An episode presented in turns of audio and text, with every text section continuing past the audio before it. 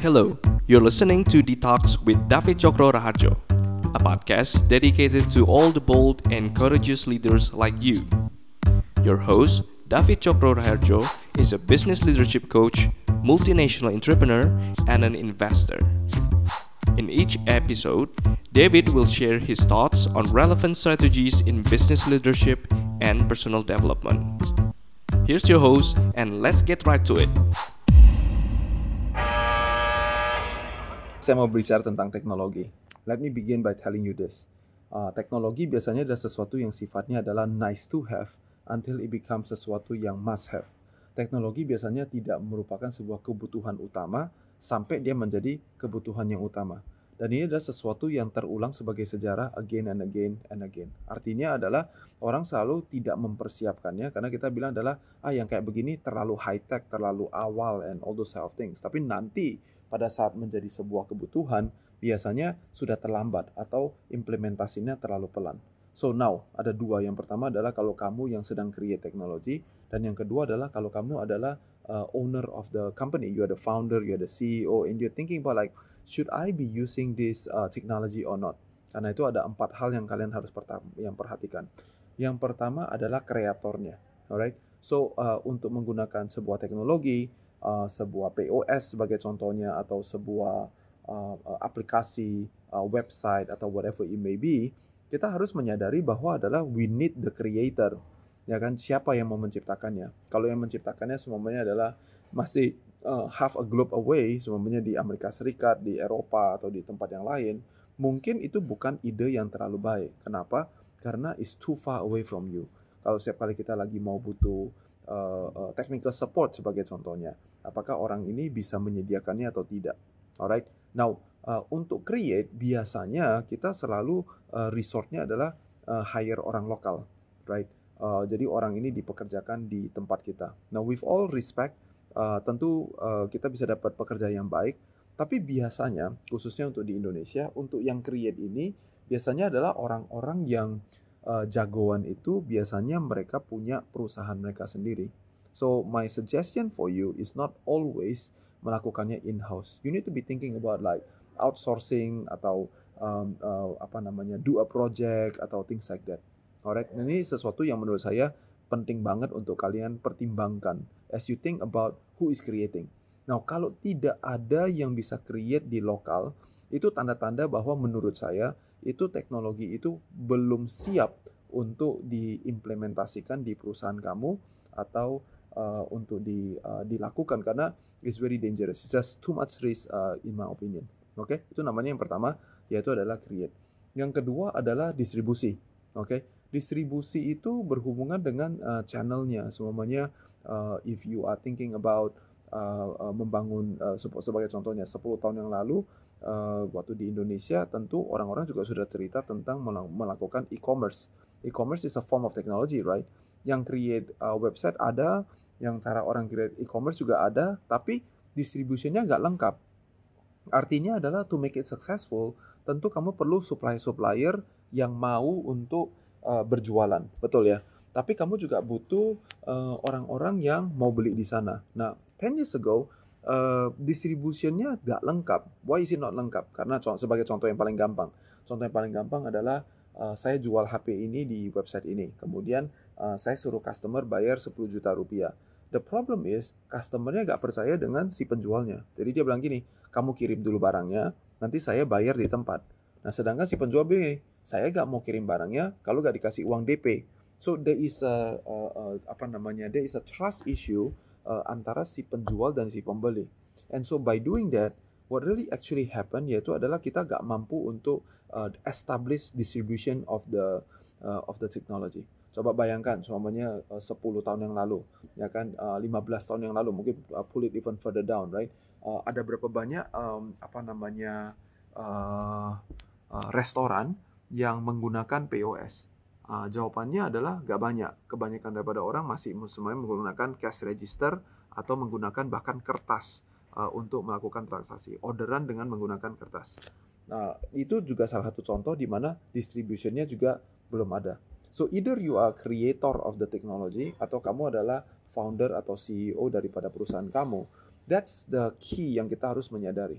So sometimes saya mendapatkan ada orang yang mungkin dia baru pulang dari luar negeri atau dia baru pulang dari luar negeri lagi jalan-jalan dan terus dia melihat sesuatu teknologi yang keren banget dan dia coba untuk implementasikan di um, uh, di di bisnisnya mereka and what happens is that it doesn't work it doesn't work bukan karena gak ada yang create tapi karena distributionnya gak ada right uh, zaman-zaman uh, sekarang distribution berhubungan dengan contoh kalau yang sudah terkenal kan ada aplikasi Gojek ada aplikasi Tokopedia sebagai contohnya ya uh, maka kita membuat bisnis atau membuat teknologi yang distribusinya jelas. Berarti buttonnya mirip-mirip sama aplikasi Gojek sebagai contohnya. Kenapa?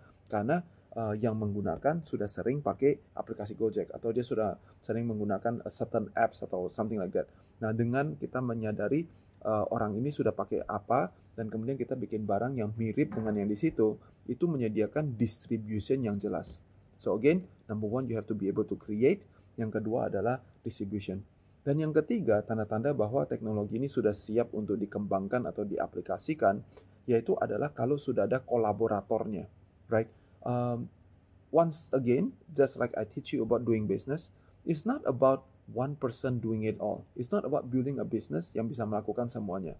It's about building a business according to your core, and then kemudian berkolaborasi dengan orang-orang yang berbeda-beda untuk menyediakan sebuah value yang bagus. So the same way with technology. Kalau kolaborator, kata kuncinya itu adalah API. Uh, gak semuanya kamu harus bikin sendiri. Mungkin kita bisa menggunakannya dengan um, uh, bekerja sama dengan orang lain, berkolaborasi, kemudian API-nya dicantol, right? So um, 10 years ago, everybody is talking about like I want to do everything. Kalau sekarang kita fokus dengan melakukan satu hal, kemudian kita berkolaborasi. Ada yang kolaborasi dengan merger, ada yang dibeli, ada yang literally bekerja sama, Uh, uh, uh, melakukan upselling atau ads on you know you can do a lot of different things tapi di sini yang namanya adalah kolaborasi so kolaborator is very very important yeah, when you are thinking about uh, the technology. Dan yang terakhir dan ini adalah mungkin yang uh, paling uh, sedang berkembang tapi mungkin kita belum sampai di situ yaitu namanya adalah storage. Why storage? Because every time you talk about IT you talk about technology zaman-zaman sekarang we have to talk about big data. Jadi storage yang saya masuk bukan cuma tempat server untuk menyimpan, tapi yang lebih pentingnya adalah analytics-nya apa, hasilnya apa, eh, barang-barang apa yang bisa kita munculkan sehingga data-data ini membantu sebagai contohnya CEO untuk membuat eh, keputusan yang lebih gampang, yang lebih uh, apa namanya lebih terarah sebagai contohnya, atau ini memberikan kepada kita insights sehingga kita tahu apa yang harus kita ucapkan atau sampaikan kepada customer-customer kita. Right? So again, um, these four things yaitu adalah create, ya siapa yang menciptakan, uh, uh, distribution, uh, uh, apa namanya siapa yang memakai dan siapa yang akan menyediakannya dan semua chain yang ter terlindung di dalamnya. Uh, yang ketiga uh, yaitu adalah kolaborator. Uh, apakah sudah banyak orang yang di mana dengan melakukan ini banyak orang yang bisa mengembangkan hal-hal yang lebih besar lagi dan yang keempat yaitu adalah storage atau yang sebetulnya berhubungan dengan analytics, the big data, dashboard, uh, you know, all these type of things.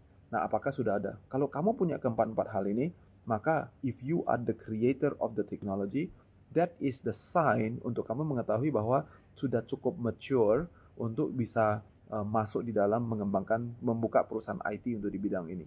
Kalau kamu adalah founder atau CEO, maka kamu mengetahui bahwa adalah uh, uh, resikonya lebih rendah untuk mengimplementasikan teknologi ini.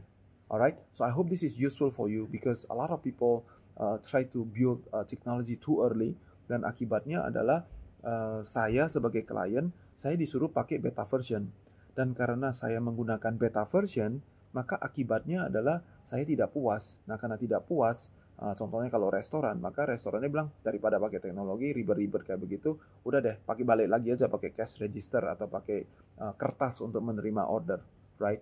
Atau karena tidak ada yang bisa dikolaborasikan, akhirnya si customer dikasih kerjaan tambah banyak. Sedangkan kita sebagai bisnis, we supposed untuk meringankan beban daripada klien-klien uh, kita.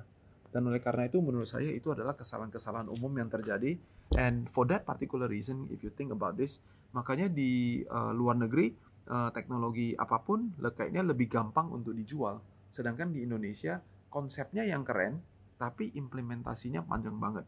This is by the way what I meant with like blue ocean strategy itu ber, berfungsi dan dan uh, uh, teorinya benar dan berguna di Amerika Serikat, tapi buku yang sama yang teorinya benar kalau diceplak atau diimplementasikan 100% di Indonesia akibatnya adalah uh, kita terlalu pagi untuk penetrasi pasar itu.